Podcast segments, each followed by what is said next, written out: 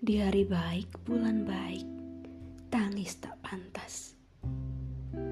Angin dan debu jalan, klakson dan asap knalpot mengiringkan jenazahnya ke nganjuk.